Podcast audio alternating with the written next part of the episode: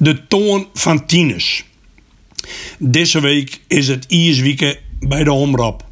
Omdat het 25 jaar geleden is dat de laatste Elfstedentocht op schaatsen verreden worden.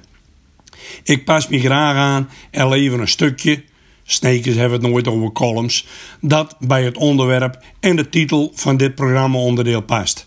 De toon van Van Amoon wordt de linkergrote toon van Tines Udding. Uiteraard ook nog veel heil en zegen en maak er maar een mooi joppig jaar van. Ik ben het wel van plan. Nou vertel ik je vanmorgen het mooiste verhaal over een toon dat ik ooit uit eerste haan hoord heb. Tenminste, ik vind het het mooiste verhaal. Het gaat over de toon van Elfstedentochtrieder Tinus Urring, die in 1963 als 31ste wedstrijdrieder eindigde. Ik interviewde de Drent Urring op 21 januari 2013 in het prachtige schaatsmuseum van Hielpen. Daar werd een overblijfsel van Tines zijn linker bevroren toon sinds 1994 in een flesje te bewonderen valt. Ik wil het verhaal achter die toon weten en vroeg het Urring hoe het nou precies zat.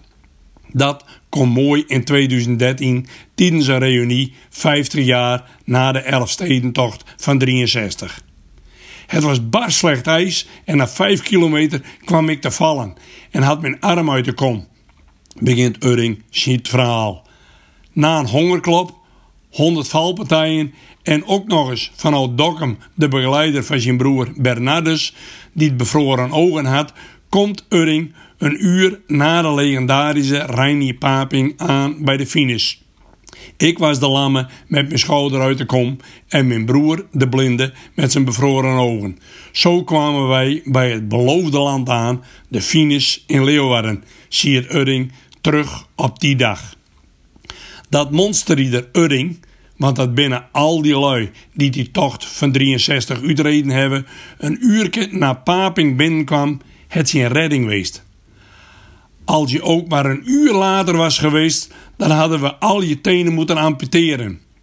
En dat zeiden de medici toen Uding tien dagen in het academisch ziekenhuis van Groningen leidt, had met 7 à 8 bevroren tongen.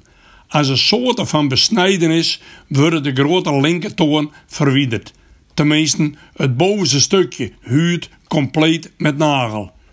Udding het het stukje tongen en een nagel altijd bewaard en schonk het in het najaar van 1994 aan het Schaatsmuseum van Hilton. Daar staat nou onder een glazen stolpje in een flesje met sterk water de toon van Tines te pronken. Het was apart om te garen met Tines Udding naar zijn eigen toon te zien. Nou ja, het omhulsel ervan. Maar Snekers mag ik graag overdrijven.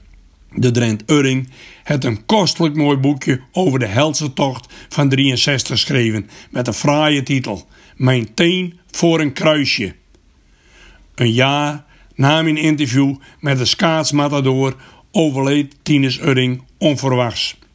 Gelukkig leven zijn verhalen deur en kennen je hem Tines zijn nog bewonderen in het wonderskone schaatsmuseum van Hilton. Hopelijk gaat het museum gauw weer open.